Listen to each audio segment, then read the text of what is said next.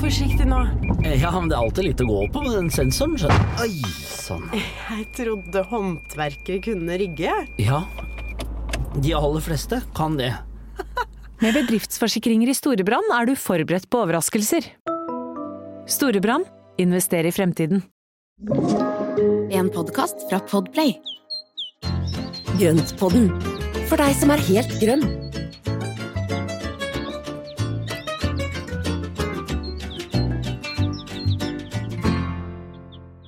Hei og velkommen til Grønnpodden. God dag, god dag. Eh, God dag. Hei, Espen. Hei, Marianne. Nå er vi tilbake igjen. Nå er vi tilbake igjen. Og vi har jo da tenkt at først og alt takke for eh, at dere er så mange som hører på oss. Vi har sett at det er blitt enda flere. Kjempekoselig. Og Ja. siden både det at det er en del nye lyttere, og fordi at det er lenge siden vi har eh, introdusert podden og oss sjøl ordentlig, så tenkte vi skulle ta og gjøre det i dag, rett og slett. Mm. begynne det med det, noen setninger om det. Først og fremst er jo da Grønnpodden er jo eh, en sånn, litt sånn spørsmål-svar-pod om alt som har med, med vekster å gjøre.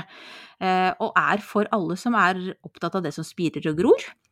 Mm. Eh, både for de som er helt nye på det, og de som kan mye fra før. Og det er jo oss to som lager den sammen. Eh, Ja. Og det begynte jo med at eh, du som jo kan masse om planter, og jeg som ikke kan så mye om planter, men som da har blitt belemret med en svær hage. eh, Og er veldig glad i planter. Det er må, veldig det må glad ikke glad i planter, absolutt. At, men at vi to hadde jo eh, masse samtaler der jeg lærte veldig mye, og du har hjulpet meg sånn, og så fant vi ut at det Mm. her er jo egentlig gull for andre også. Og, Ja. og, og, og ta del av den lærdommen. Så det var sånn det begynte. Men du kan jo Mm. fortelle litt mer om hvem du er, Espen. Ja, og, jeg står jo da bak skarpihagen.no, som er nettsted og, og sosiale medier. Jeg er jo også utdanna på Beder gartner- og dekoratørskole i Århus for mange år siden. Det er en mannsalder siden, faktisk. Så, så jeg har jo holdt på en ganske lenge med dyrking og grønt, og fikk mitt første blomsterbed da jeg var seks år gammel. Så jeg har holdt på med grønt siden den gangen. Så, så nå er jeg 50, og det, det begynner å bli noen år. Så det er veldig morsomt, da. Mm. Du holder på med planter hele livet, du, rett og slett, Ja. kan vi si. Mm. Mm. Og så ble jo vi kjent da vi jobbet sammen i 2004-2005 eller noe sånt, i Interiørmagasin, hvor du var redaktør. Mm. Det, der hadde vi det gøy sammen. Så det var jo sånn som vi ble kjent, og Mm. forsto raskt at du var eh, veldig flink med planter. Eh, så så jeg, jeg visste hvem jeg skulle henvende meg til når, eh, når vi da, jeg og familien, vi bor jo mye av tiden på en gård i Skåne.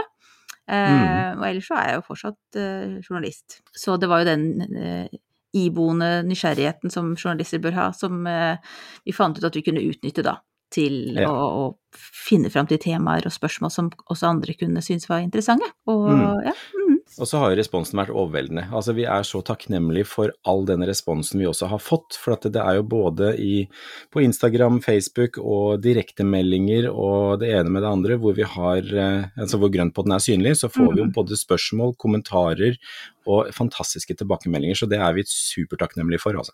absolutt. Det er veldig Mm. hyggelig, veldig gøy.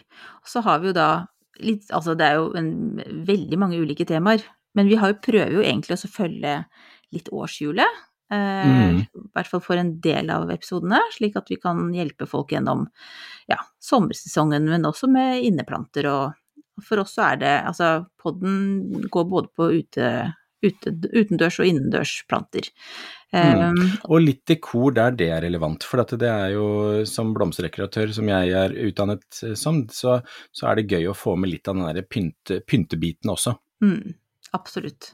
Og så har vi jo lagd en eh, liten avlegger, en sånn et, eh, et, hva heter det, et sideskudd til Grønnpodden, for mindre temaer og mer sånn, ja, litt eh, hva skal jeg si, litt uformell. Eh, liten sånn miniserie som, som Mm. kommer eh, på søndager, men ikke alle søndager. Men Nei, av og til. En gang iblant. En gang iblant. Det var jo sist, og sist så var det et lite hjertesukk. Ja, du, ja og det det var veldig bra du sa, fordi ja, sist gang så var det et hjertesukk fra meg. Det handlet om erteblomster, eh, Mm. som jeg da hadde kjøpt eh, fra England og var veldig fornøyd med at jeg hadde liksom håndplukket og alt det der. Og så fant jeg ut at det ikke lukter noe av dem i det hele tatt. og det var jo det som vi snakka om sist gang på avleggeren. Men vet du hva, det som har skjedd nå, er at det plutselig så har Jeg tror det er noen av de jeg sådde litt senere, som nå har Mm. dukket opp, og de lukter.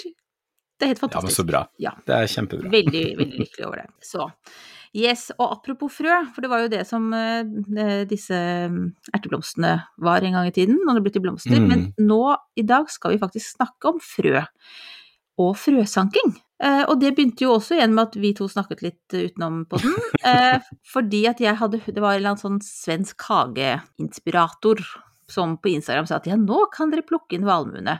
Og da jeg rett ut og så plukket inn valmuekapslene. Og så sier jeg det til deg, og så sier du ja, ja. eh, Men var de, var, var de modne, da? Nei, det vet jeg ikke. Så da fant vi ut at frøsanking, det er jo For det første så er det et interessant tema som eh, jeg tror mange har lyst til å lære mer om, og så er det vel nå Mm. som vi kan begynne å gjøre det for alvor. Ja, det er det. Ja, så hva var gærent med de valmuekapslene, Espen? Det vil jeg, altså nå har du egentlig, for du har ikke fortalt meg helt hva det var, fordi at vi skulle spare det til vi spilte Ja, vi skulle spare til vi spilte, ja, Ja. ikke sant. Så fortell Nei, meg nå. ja, og det, det er jo en, ting av det, altså en av de tingene jeg har sett på veldig mange både spørsmål og kommentarer jeg får, er at folk plukker for tidlig. Mm. Og du vet, veldig mange valmuer de blomstrer jo bare en dag eller to, og så detter kronbladene av, og da syns jo den kapselen ganske greit. Men den må få lov å få utvikle seg slik at frøene inni blir spiredyktig og ferdig.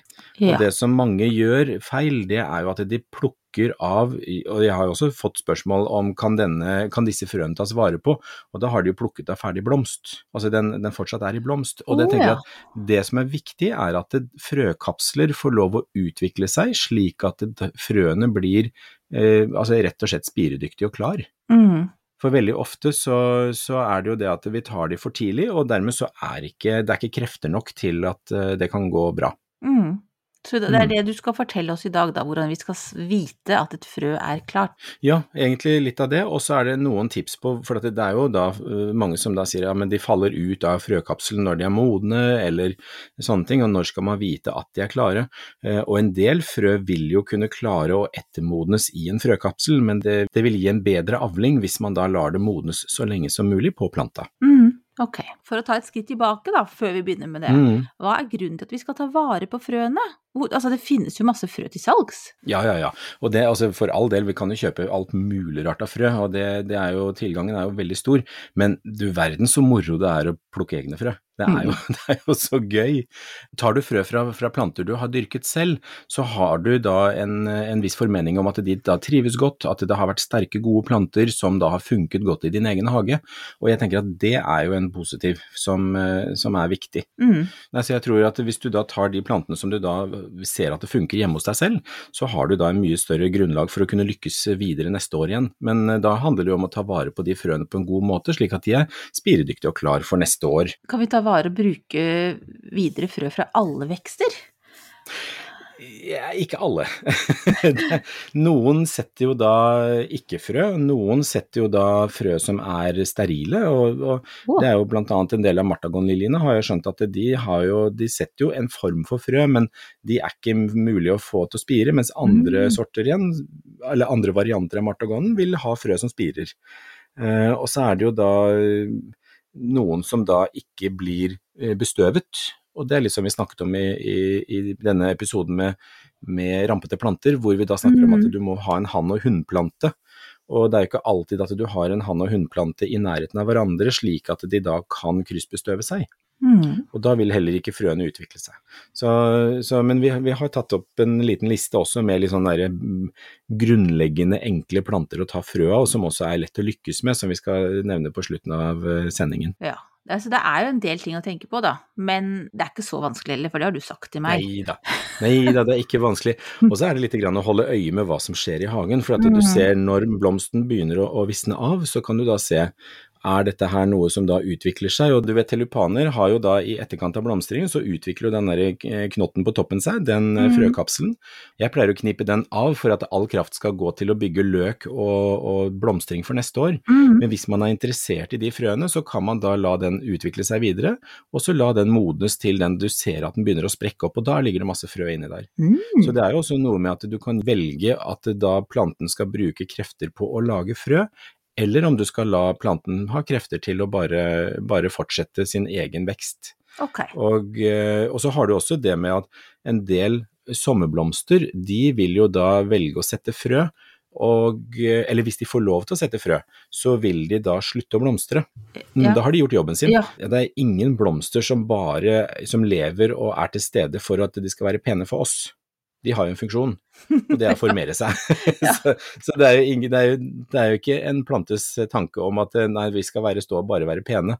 Det jo, det- altså Blomster er jo det er rett og slett jeg skal være med i bryllup, tenker de. Jeg skal henge over en portal. Ja, ikke Ja. sant. Så, så det de gjør, det er jo da kjempe for å da føre arten videre. Mm. Og det er jo gjennom blomstring. Og så er det jo da for å tiltrekke seg pollinerende insekter som skal gi bestøving, og som da får belønningen i form av nektar og, og pollen. Og så vil da, når de er ferdig med å, å få denne her pollineringa og bestøvinga, så vil de sette frø, og når de har jo satt frø, så er de stort sett ferdig. Da, Ja. da, kan de, da er de ferdig for sesongen. Det er, erteblomster er et veldig godt eksempel på det. Og er det derfor vi da, det er jo litt sidespor da, men derfor man skal plukke, plukke blomster hvis man skal ha mer blomstring, er for at de ikke skal Mm. få tid til å sette frø. For da, Mm. for ikke å sende det signalet om at ja, nå er du ferdig med jobben din. Mm. Mm. Det er akkurat det. Ja. Og, da, og på den måten så vil vi da kunne få opprettholde blomstring. Så egentlig så er det jo litt dårlig gjort av oss å hele tiden frarøve den muligheten til å sette frø og, og, og sluttføre syklusen sin, da. Så, Men igjen, da- sånn. Nå fikk jeg dårlig samvittighet. men, de, men, de, men, men igjen, da, da står det jo er pene for oss. Ja da, ja ok. Vi Og så, og så er det jo en, ja, og så er det en annen ting, det er jo det at jo mer blomstring vi får, jo bedre er det for de pollinerende insektene. Ja, så, så, takk, så det er jo, ja. Nå følte jeg meg er snillere igjen. Ja, ja, det er ikke noe dårlig. Ikke noe dårlig det. Nei, så Det er jo egentlig litt av, den, det er litt av runddansen i blomsten, og, og, og når du da f.eks. mot slutten av sesongen, og har du da luktertblomster som du da har lyst på å ta vare på videre, så kan man jo da isolere de, f.eks. merke akkurat den planta, og så si det at ja, men denne skal få lov å sette frø. Mm, ja. Slik at du da plukker ut noen planter innimellom som du vil at det skal få lov å sette frø. Og da vil jo den slutte å blomstre, men da vil jo heller frøene kunne få lov å utvikle seg ordentlig. Så hvordan går vi rent praktisk fram når vi skal ta vare på frø fra plantene våre? Det er jo masse ting å tenke på. Altså, det er jo flere faktorer som på en måte skal falle på plass, da. Ikke Ja. sant? Ja, ikke sant. Og det, det er jo, du har jo da dette med, med å la de frøkapslene få modnes, og det er å holde et lite øye med plantene og se at de faktisk har blitt ferdig avblomstra. Og hvis du da har planter som du da vil ta frø av, så f.eks. ha en liten sånn bomullstråd med farve på, knytt den rundt blomsterhodet du vil ta vare på. Det kan være tips for å da, sånn at ikke du da klipper det av vannvare før den er ferdig. Ja. Så kan du bare si at den, den der skal få lov å ha, den skal få bli frø. Da kan man knytte på en bitte liten tråd med en eller annen farve som, som gjør at du kjenner den igjen. Eh, og så kan du, eller så vil jeg anbefale at den får lov å stå så lenge som overhodet mulig, slik at frøene modnes på en ordentlig måte Ja. på planta. ja. Og, og selvfølgelig de fleste, eller veldig mange av sommerblomstene våre tåler jo ikke frost, og dermed så må de jo tas inn før frosten. Og klokkeranke, eller cobia scandens, er jo en av de som da sen blomstring, bruker tid på å utvikle frøene, og dermed så vil jo frøkapslene da være ikke helt ferdig når frosten kommer, og da må de tas inn før frosten kommer. Mm. Det er ganske Ja, langt helt tidsperspektiv, da. Ja, ja. Bare Ja, la dem være. Ja. Ja, og så er det selvfølgelig hvis det er fryktelig mye regn, er det så, så, og det, da blir vil mugne og bli dårlig, så bør man jo kanskje vurdere å ta, ta det inn allikevel. Så det er litt sånne ting. Men når man da har denne frøkapselen, f.eks. valmunnen som du tok eh, kanskje litt tidlig, det er jo da å se på den og se at den utvikler seg, den skal jo bli større, og så begynner den å anta en litt sånn gulaktig eller brunaktig farve. Mm. Og så vil jo denne kransen på toppen løsne litt fra, fra selve kapselen. Ah, Og da det var er jo det du mente, ja. Ja, og da, ikke sant. Og da er jo den naturlige åpningen Eller da er frøene modne, og så er det mm. naturlig åpnes den for at frøene skal begynne å spre seg. Mm. Og det vil de helst gjøre mens de står, altså er, står i Ja, I hvert fall så tett som mulig opp mm. til. Mhm. Men igjen så er det jo da en balanse mellom å da få tak i frøene, eller at de raser av gårde for vær og vind. Mhm. Så, så det er jo noe med at idet da frøkapselen åpner seg, for de aller fleste frøkapslene har jo en evne til å åpne seg for å spre frøene. Mm. Og hvis ikke de da er frø som, blir, som er inni frukt og bær, som blir spist av fugl og da fraktet med på den måten, så vil jo da ofte frøkapselen da åpne seg, enten at de sprekker opp og, og, og bare de drysser ut, eller at den har sånn som disse springfrøene som da skyter frøene ut, og da kan det skytes ut flere meter, fordi det ligger en sånn mekanisme inni frøkapselen. Sprettert. når ja, det er sprettert. Og de skyter jo langt av gårde. Så, så det er flere altså Det er uendelig masse muligheter på disse frøene, fordi de har jo da tilpassa seg ulike måter å vokse på og spre seg på. Sånn som de valmuene, da. Eh, Mm. Hvis jeg bare hadde latt dem For jeg har jo egentlig tenkt at det skal være flere valmuer i det området der, der de står. Kunne jeg da Mm. egentlig bare liksom latt de stå der, og så ville frøene naturlig drysset Ja, ja. ned i jorda rundt? Det er ikke så greit? Så lar du de stå, og så drysser de det rundt, og så når du da ser at det er åpent, så kan du bare knekke av kapselen, og så drysse den litt rundt i Mhm. området, og dermed så Mm. har du, det, så har du nye, nye planter på et øyeblikk. Ja, Så det er jo en av de måtene som du kan lettest gjøre det på, da. Mm, ja, for det var det, det var det du nevnte litt, du, så tenkte jeg at fanden sparke, nå har jeg ødelagt sjansen for å få, få flere der. Nå ligger de altså og drysser ned på spisebordet, kan jeg, så Ja. nå er, begynner de vel å bli modne, da, men jeg vet ikke om de er Ja. riktig modne nå, disse frøene, siden de Jo, men eh, altså, det vil jo uansett være en del som klarer seg, for da går jo kreftene til noen av frøene, og så vil du få en del frø som, som er spiredyktige og gode. Ok, så da kan jeg gå og drysse rundt med dem nå, da, egentlig. Ja, ja, ja. Ja, det gjør Mm. det. Så, og det er jo veldig fint å få de nå, for at da vil de få den naturlige stratifiseringen med en vinter, og så vil de spire igjen til våren. Mm. Er det liksom det beste, egentlig, hvis du vet at du vil ha flere planter der du, i det området der en vekst står, er det egentlig også på en måte la frøene ramle ned naturlig i området? Det er det enkleste, og Ja. jeg gjør jo det en del med annet disse her, disse her ruteliljene, altså Mm, mm. filtillaria, Mhm. og de tar jeg, for de har jo akkurat nå åpna frøkapslene seg her hos meg, og da tok jeg da bare og smuldra de opp, så dryssa jeg de utover i samme bedet. Ja. For jeg vil ha bare enda tettere lag med, Mm. med ruteliljer der. Så på den måten så vil jo de da begynne å etablere seg, og så vil det være følge mest mulig naturlig årssyklus for frøene også. Mm. Ja, men det er jo smart. Og, altså at det er enkelt er jo bare supert. Ja, ikke sant? For jeg tenker at det er jo ikke noe vits i å dra de inn og overvintre og passe på og stelle og stulle, og så skal man ha de ut igjen, for at det når de like gjerne bare kan drysses på stedet med en gang. Mm. Det er, enklest er best. Men hvis man da skal tørke dem, gjør, er det noen spesielle ting man skal tenke på da? Ja, og det er at de skal ligge lyst og luftig, eller lyst og luftig, sier jeg, når de skal ligge luftig, altså det å ha de f.eks. På, et, eh, på et ark, og ligge inne f.eks., sånn at de får tørke opp med da litt avstand mellom frøene, at de drysset litt utover et eh, papirark. Mm. Eh, og så kan man da røre litt, eller riste litt på det en gang iblant, slik at det da flytter litt på seg. Eh, og på den måten at de da tørker opp og blir gode og tørre før man pakker de bort. Mm. Så det ikke ligger noe fuktighet det- igjen, slik at de blir mugne etter hvert. Er det derfor? For det er jo, ja, det er jo største faren, er at de mugner. Og Mm. når du da har fått tørket dem, så og aller først også, skriv navn på dette arket, for at det er veldig fort å glemme hvilke frø man har. Mm. Det, jeg snakker av erfaring. Det er, Ja. jeg har, jeg har bomma mange ganger, og det er uante ting som kommer opp på feil sted. Så, men det å skrive navn på arket, drysse på noen frø som skal da tørke, og når de er tørre og gode, så putter man de i et kaffefilter. Jaha. Kaffefilter puster. Det er rimelig enkelt og greit, Mm. så du da heller da de frøene oppi et kaffefilter, og så bretter du det sideveis, og så bretter du igjen toppen. Og vips, så har du en liten frøpose som puster. Ja.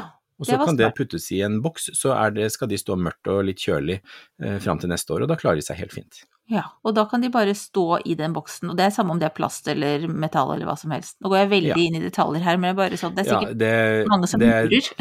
Ja, nei, men jeg har en liten plastboks. Altså egentlig så jeg har brukt et par sånne plastbokser fra Claes Olsson som jeg hadde, kjøpte sånne lyslenker, sånne LED-lyslenker for mm. et par- par-tre år siden, og de har jeg nå brukt som frøbokser.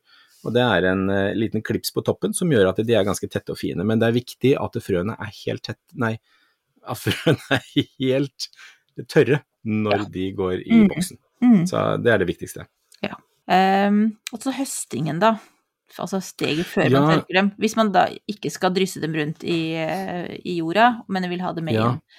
Ja. Hvordan høster man?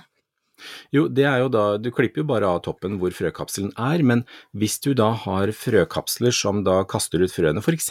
valmuen eller rutelilja som jeg snakket om, da vil det være mulig å knytte på f.eks. en liten tøypose eller en sånn um, Altså sånn smykke, eller smykkeposer eller ja, sånne en lit, ja, Ja. ja. en sånn liten smykkepose eller en gassbindpose som du knytter rundt eh, kapselen, og da vil du ta vare på alle frøene. Slik at de da, For da er det jo lys og luft inn der, men da Mm. vil frøene da ramle ned i posen, i- istedenfor at den da faller rundt på bakken rødt. Ja. Så, ja, så bra. Skal alle frø eh, De ser ut, ulike ut, men altså skal alle frø behandles likt? Eller er det eh, ulike kategorier med ulike behov? Altså er det noe, Kan man se på et frø hvordan det trengs å behandles?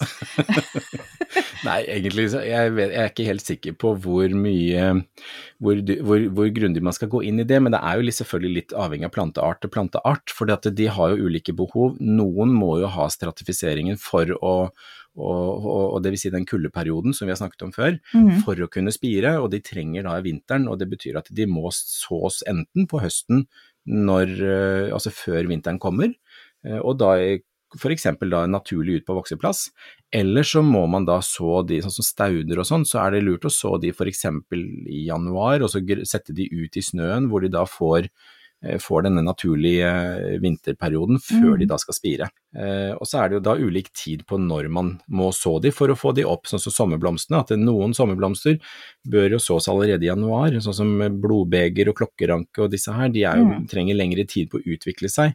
Så, så det er mer da altså dyrkingen videre fremfor eh, frøenes behov, altså. Ja.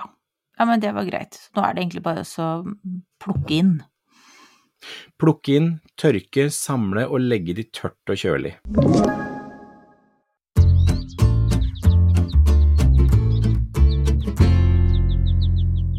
Hva kan vi gjøre nå og fremover med frøene som vi finner i uterommet vårt? Nå vet vi jo litt, nå har vi fortalt hvordan frøene fungerer og, og litt hvordan vi skal tenke rundt det, men eh, sånn rent praktisk Nå, nå mm. kommer jeg jo til å fly rundt og samle frø. Ikke sant. Men det, det viktigste nå er å rett og slett å, å, å bare merke seg hvilke planter du har lyst på å ta frø av. Er det noen som har vært kjempefine i år, eller spesielle farvekombinasjoner? Eh, er det noen som, som ser veldig bra ut, så tenker jeg at Mm. da er det veldig greit å kunne ta frø av, eh, av de. Og så mm, bare legg merke til hvilke planter som da er ekstra kraftige og ekstra gode.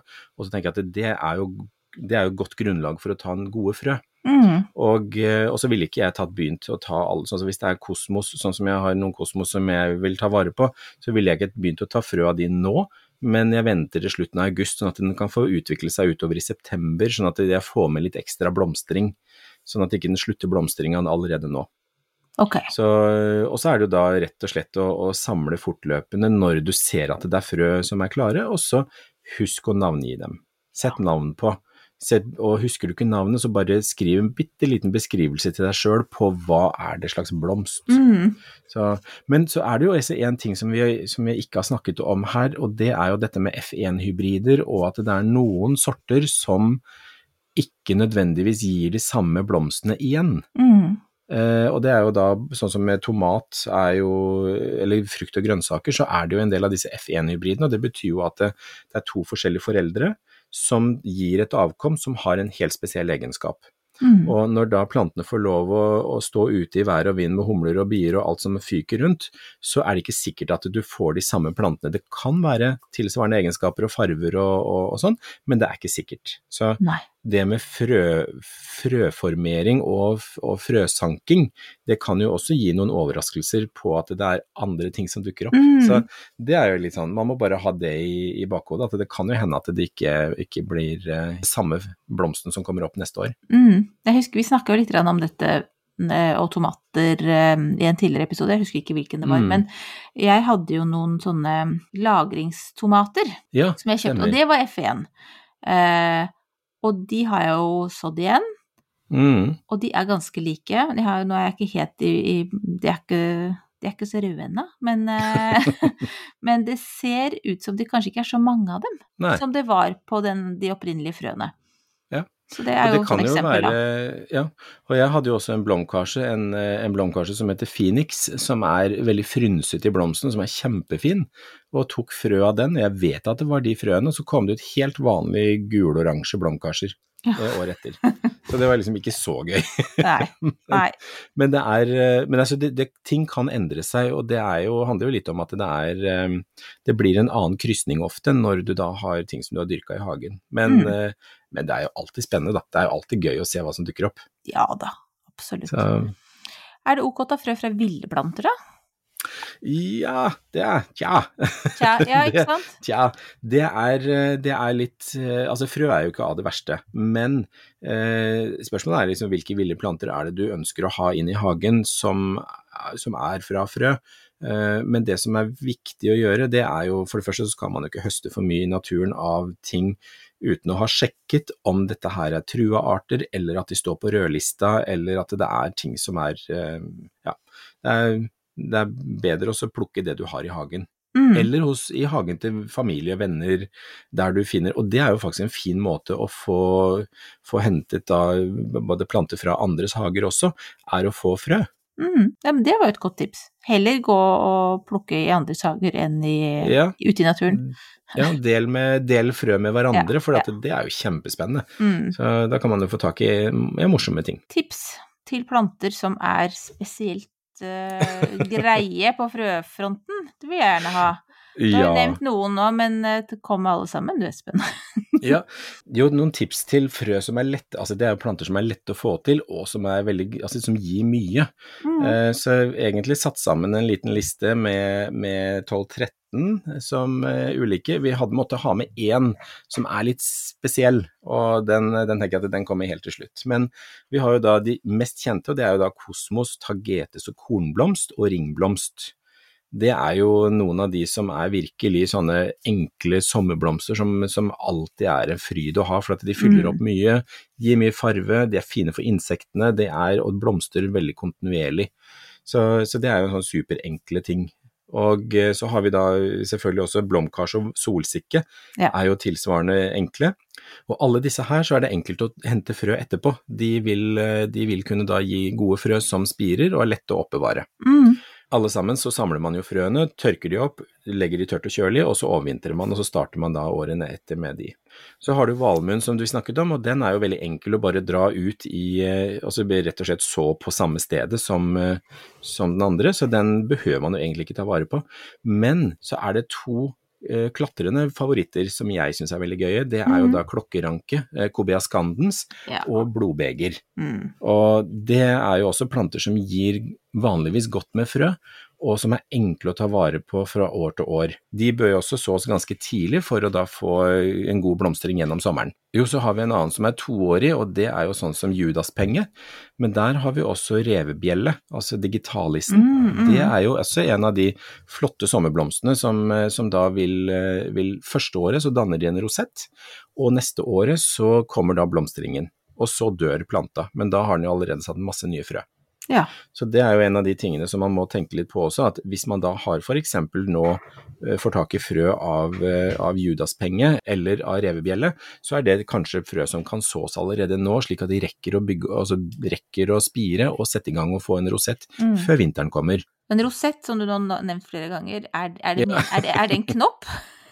Nei, det er en liten plante. Eh, Det er en liten okay. plante med blader som da ser ut som Altså, ja. Ah, Den, ok. eh, den, den får egentlig en liten plante som da blir stående til neste år, og de, Ja. eh, og de vil, jo, det vil jo ikke visne ned.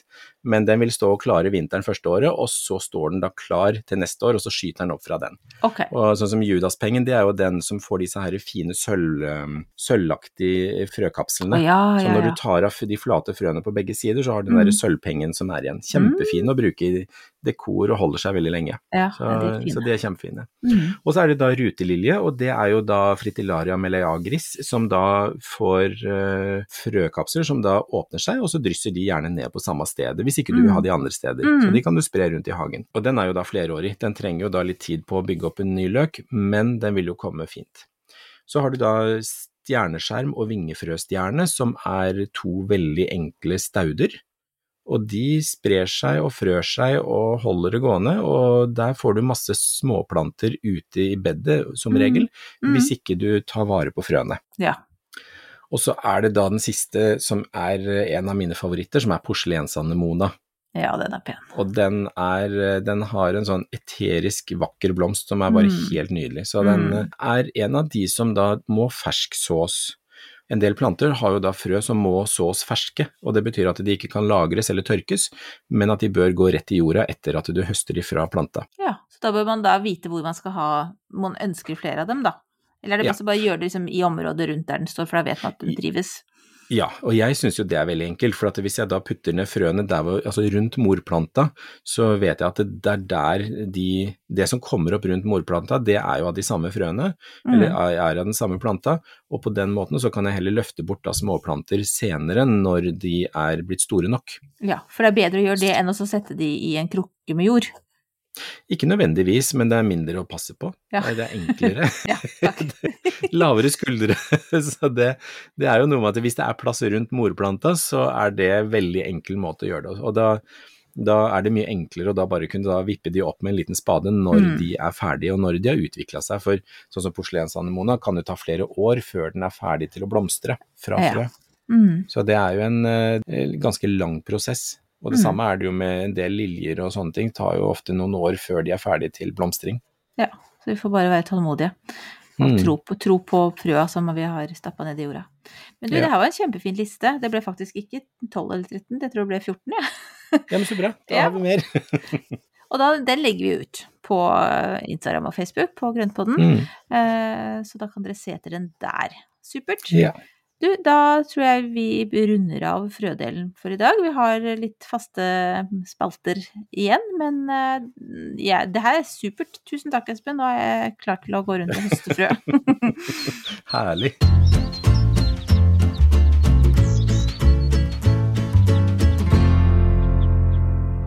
Ginkgo biloba, eller Rocky balboa, som jeg av og til blander litt med, men det er i hvert fall ukas plante. Ja, ginkgo biloba er en fantastisk plante, og det er jo da faktisk en av de eldste plantene som vi kan spore tilbake til dinosaurenes tid, som Mm. har vært uforandra. Og den har jo da, man har jo funnet da en, eh, altså fossiler av denne fra 270 millioner år siden. Altså det er så lenge, det er så lenge Ja. siden det, at det er, det er, det er helt, helt sjukt. Ja. Så den sammen med da Psykas revoluta, som er en sånn sagopalme, er jo de to artene som da har vært i, i, i uminnelige tider. Det er, Det det van det er veldig- vanskelig å forstå Ja men, det er tidsperspektivet. ja, men det er liksom dinosaurene tråkka rundt når de var her, så det var liksom Mm. eh, helt, det er helt sprøtt. Men det som er veldig morsomt, de to, og det er jo ginkgoen er jo en av de, den har faktisk som eneste plantene l- bevegelige sædceller. Nei!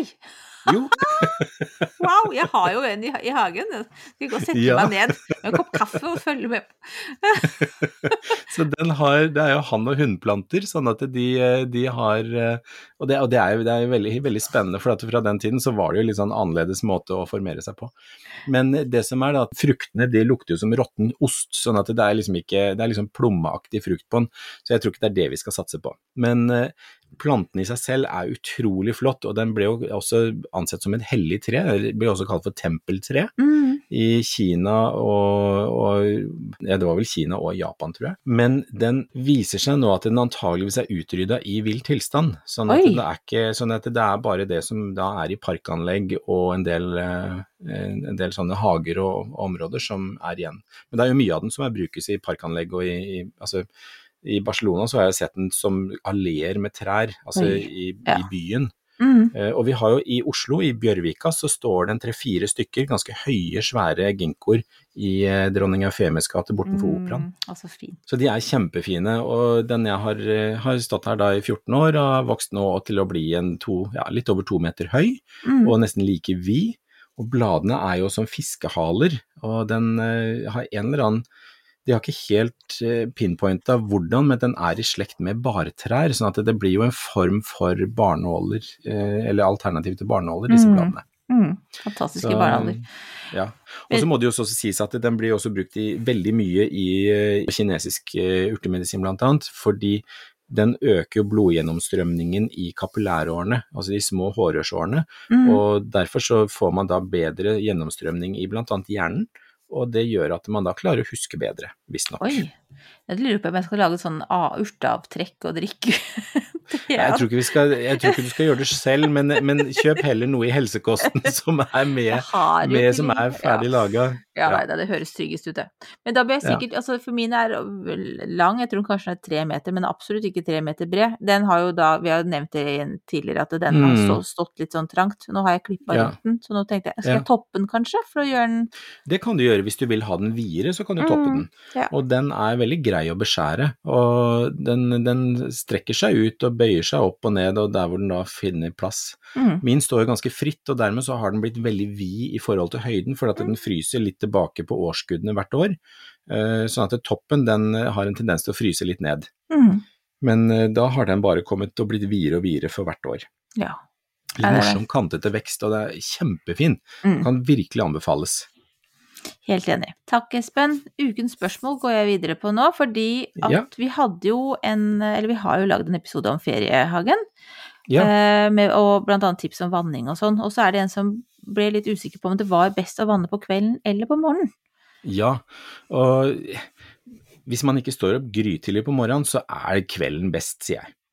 Ja. Kvelden er best, for at da har du Da har plantene liksom hele natta på å trekke opp og fylle opp alle reservene og være klar til, eh, til dagen etter. Så Mm. jeg vil absolutt si at kvelden er best. Eh, morgenen går helt fint. Og i verste fulle fall, så, så legg ut slangen altså nede ved jorda på, på dagen også. Det er, Mm. det, er noe, det er ikke noe å si på det.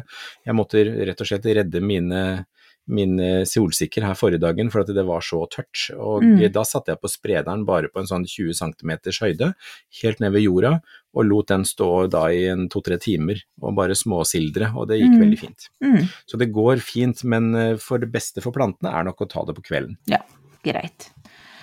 Hva gjør vi nå, da? Bare for å avrunde episoden på sedvanlig vis. Hva er det du holder på med, Espen?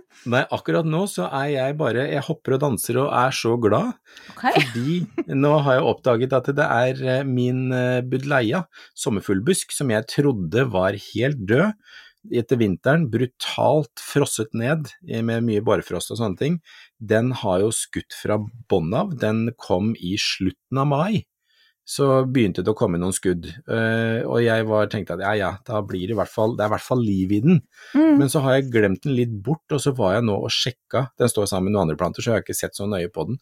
Og så var jeg nå og sjekka akkurat uh, nylig nå, og så ser jeg det at den er nå blitt bortimot halvannen meter høy og står med masse knopper. Å, så hyggelig. Altså, Ja. det, altså, det gleder et hagehjerte, altså. Ja, det forstår jeg. Og så godt å høre. Ja, det var hyggelig.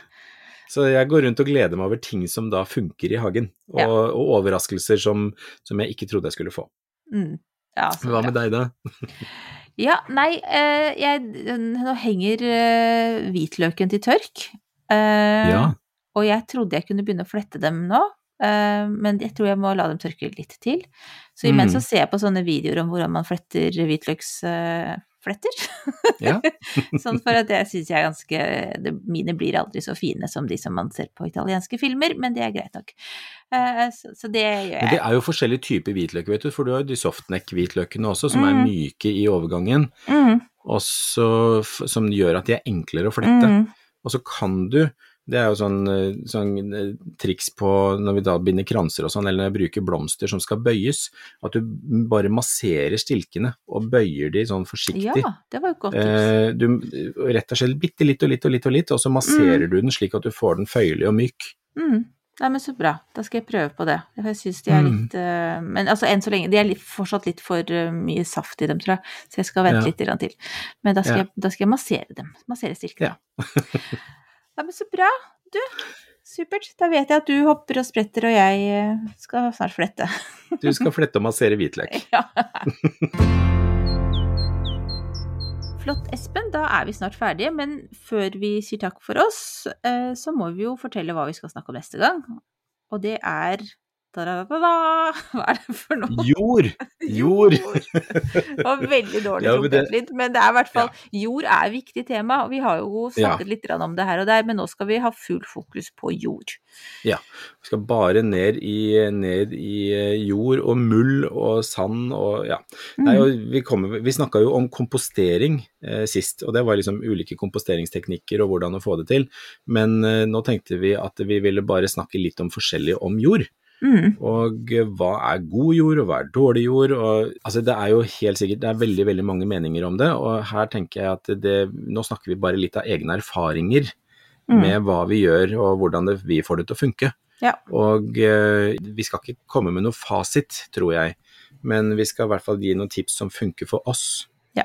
Ja, det tror jeg er det beste utgangspunktet. Og hvis dere har Mm. lyst til å forberede dere ved å høre om igjen eh, kompostepisoden, så var det episode 12, tror jeg. Eh, så så det, det kan jo også være et tips. Men det er ikke hjemmelekse. Dere trenger ikke å gjøre det. Men hvis dere har lyst. Så tross alt ferie nå. Nei, men supert. Da sier jeg takk for meg, og så får du si takk for deg, Espen.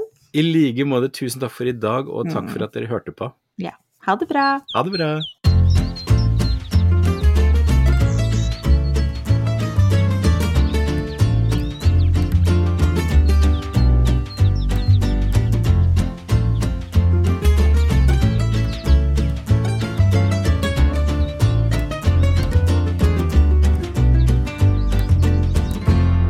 Du har hørt en podkast fra Podplay. En enklere måte å høre podkast på. Last ned appen Podplay, eller se podplay.no.